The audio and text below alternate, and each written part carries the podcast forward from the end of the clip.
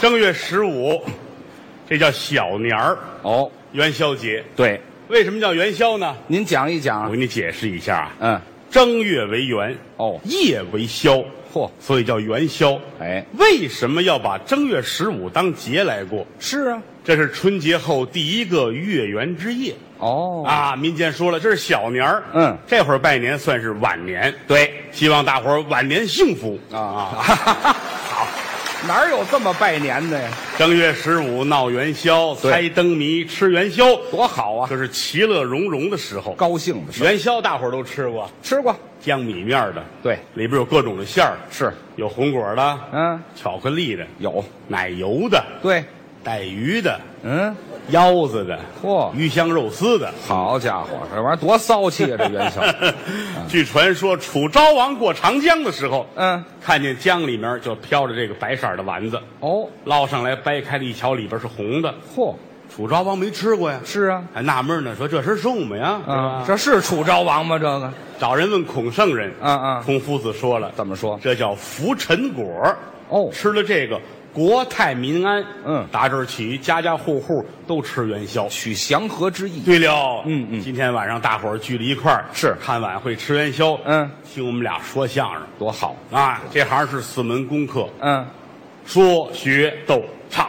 对，唱几句大伙儿听听。好，龙游浅水遭虾戏，那虎落平阳酒北泉妻。得了志的狸猫换死虎，落了魄的凤凰酒不如鸡。我一言唱不尽这劝人方，几句古话我是愿诸位那阖家欢乐寿与天齐。劝人方唱几句，大伙儿尝尝。是，都得从小学才能会这个呢。那叫做科呀，我们算是小的时候同学了，呃，一直学曲艺团学员班的同学，是，同班同学。啊，一个班的，他比我大四岁，我长几岁我，们竟然同班。嗯，这什么意思？你知道吗？ 四岁，列位啊，您那意思我净蹲班了是吗？哎，反正是学的扎实一点儿。那是，我就为学瓷实一点。我上学校那会儿，我们学相声，嗯一进宿舍，我先认识了他。这先看见的我吗？我一进门，他跟门口站着呢，吓我一跳。是吗？嚯，这河马做的真像啊， 嗯啊，我至于长那么惨吗？我大气显着啊。是啊，我拎着我那包呢进宿舍嘛。啊对呀、我说同学，我睡哪个铺啊？问我，上下铺二层的。嗯，我说我睡哪儿啊？是看见这个快，怎么呢？嘡就躺这儿了，我躺，躺一个下铺，我得先站上，谁都愿意睡下铺，方便呢。上铺还得爬，怪麻烦呢。嗯就是，人家躺这儿了，嗯，拿手一指他上边儿，哦，你在这儿，告诉你了，那人家先来的就记着人家挑呗。先来后到嘛。上铺是我的，对，把我这包拿起来，啪往上扔。扔到上铺，哦，遗憾了，怎么呢？上边没铺板。空床架子。啪！哎呦，我那包里还有两对哑铃，哎呀，整砸在脸上啊！哎呦，我心，哎呦，我的天哪！也得惹事砸儿傻了呀，这是！啊，赶紧送他上医院。嗯，大夫说这还行，怎么行呢？这个这没砸上。啊，我说不能，对呀，我这包砸脑子上了，是是是是，砸脸上了，有一些个挫伤，但哦是没伤到脑子，没有内伤。因为他的脑仁儿躲开了。我，你先等一会儿，你， 我这脑仁儿怎么还能躲开了呢？每个人都有脑子，对呀、脑子有大有小，是他的脑仁儿属于是嗯 PT 型的什么叫 PT 型？医学名词。呃，不翻译过来，翻译过就是葡萄那么大葡萄这么大脑子， ，PT 啊，我整个这么大脑袋长这么一点，不也不是老这么大，就是一开动脑筋的时候，这哦脑仁儿像葡萄这么大，那不动脑子的时候呢跟？葡萄干儿那么大。好家伙，就一葡萄还萎缩了，大夫还劝他呢，啊哎，感冒的时候要堵着点鼻子，干嘛呀一打喷嚏，啊切，脑仁儿就出去了嗯没听说过，啊。我至于这么惨吗？脑仁儿能请出去？反正我们这行的人是都了解。谁了一解？说于谦儿，哦，知道知道，嗯那葡萄是吧？知道啊，知道这。这是谁给我传这话？脑子不聪明，没有别人，我跟您说啊，哎哎您呐说话得讲理，啊是您不能这样。咱俩发小这么多年，当着这么些个亲爱的观众，您这么贬低我不合适。啊。好，合适啊合适。什么叫合适啊？哪儿就我这说您呢？两个人说相声是一场买卖，对啊我说什么你就说对，这皆大欢喜了就可以，凭什么呀？可以没事您这么说我，我还得说对无，所谓呀，你才无所谓。就是无所谓。我没听说过你，看你脑子是不好，你要承认这一点、怎么不好啊可以了，不要再说话不了。不是我心里你不我舒服。我很舒服，得了你你很舒服，可以别矫情。那不哎像呀，话，什么叫你很舒这服？大过节的你还有意思没意思？我就是过节，当着这么多我人才，就一说你承认你，我干嘛？你原来不是。是你上完春晚你脾气大了，你哎，现在、这啊谁呀、我哪儿我就脾气大了？你你说别人不了解你，我了解你啊。你了解就了解，你抬高自己，贬低别人，您这样做没有你道理要这样就没意思了。怎么没有道理？现场这么些观众啊，电视机前面还好些个人。是咱们这样啊同着大伙儿，咱俩人做一个智力测验，怎么样？哦，要考一考我。正月十五都猜灯谜，嗯我来个小灯谜跟你猜一猜。哦，你要真猜出来了，大伙儿说：“哟，郭德纲瞎说呢。”是你人于老师那脑子挺好，这洗清了，这就指俩葡萄干儿啊，俩葡萄干儿就得了那也不大呀，这个行不行吧？就验证一下，猜灯谜看智力高低，可以，说一个简单一点的，没问题。可以吗？你来吧，嗯，我想想，哎，说一个嗯你特别熟悉的事情，啊，那我就更容易猜了我。说一特别麻烦的欺负人，对了，说一个跟你有关的事儿，啊，这我一转能下台了，好吧？哎，来吧，嗯。呃，我那回弄着于老师去看病的时候，大夫给他检查脑子，怎啊么又看病了？我这个砸完之后弄你看病去吧。我老得看病就接着那回说啊，啊，你说吧。大夫检查完了说没事儿啊啊，给他吃一点药就可以了啊，吃点药。然后呢，开了一瓶脑残片，啊，我不吃还好点儿吧？这药反正不管是什么吧，给啊开了药了。哦人说不用多吃，吃多少呢？三片儿就可以，那真见效，半个小时吃一片儿，间隔也不长。三片儿吃完，这个人就好了。好，可以呀、题目就来了，什么题目呢？三片儿药，对，半个小时吃一片儿，哦，需要用多长时间吃完？这还叫题？就我这脑子算这一个半小时吃完呢，三片儿治不好他，怎么治不好？三片药半个小时一片，那不是一个半小时吗？您猜错了。怎么猜错了？三片儿药拿过来，多长时间？先吃一片儿，过半个小时再吃一片儿，又过半个小时把这片儿吃了，也就是说一个小时就可以。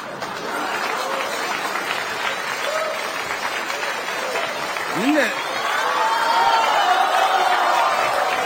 拿过药来，您先吃一片儿啊？你还得看半个钟头再吃啊，你这真没想到的事儿吗？你有病吧？ 要不给你开药呢？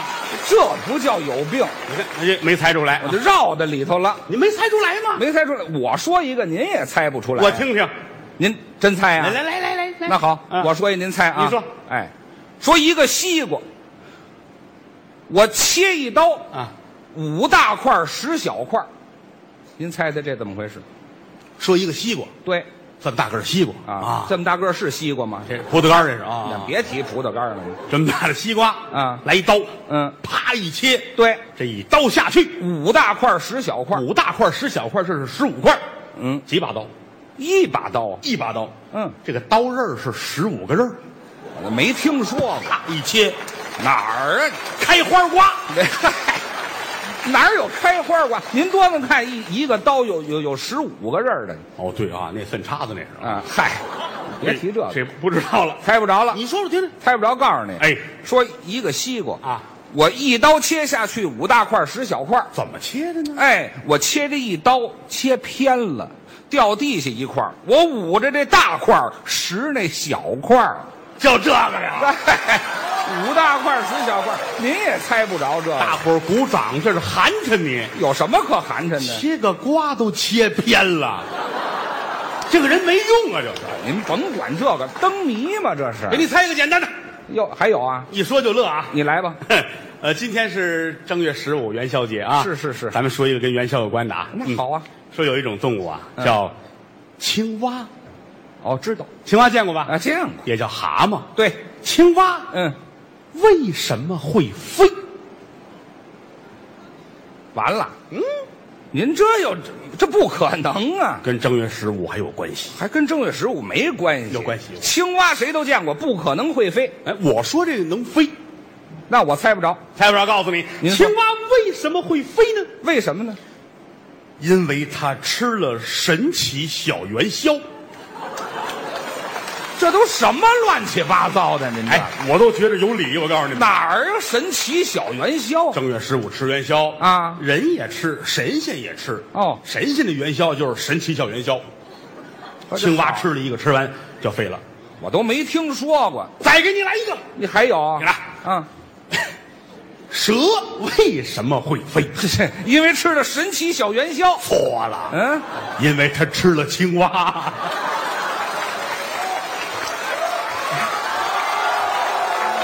哎，呃，半个小时到了，吃药吧。 这老挤的人，还哦，怎么还吃了青蛙？吃了青蛙，不吃元宵了？多新鲜呐！哦再问你一个，你说吧，鹰为什么会飞？吃了青蛙，吃了蛇，鹰本来就会飞。啊！ 哎，找大夫再加一片吧。哎，行了，您这叫绕的人，绕的人你也绕得进来，就打这时间差，让人没反应。你没猜着啊？那我说一个，您也猜不着。我听听，我这回说一正经好的，哎你还会正经的呢？那你真正别看的人不正经，灯谜还正经啊？什么人不正？，来，我听听。您猜吧啊！听着这个，嗯，说天知我有，地知我无，人知我有，我知我无。好，来，你听我这个啊，我是这么哎说什么叫听你这个？我这您还没猜呢我，觉着没意思。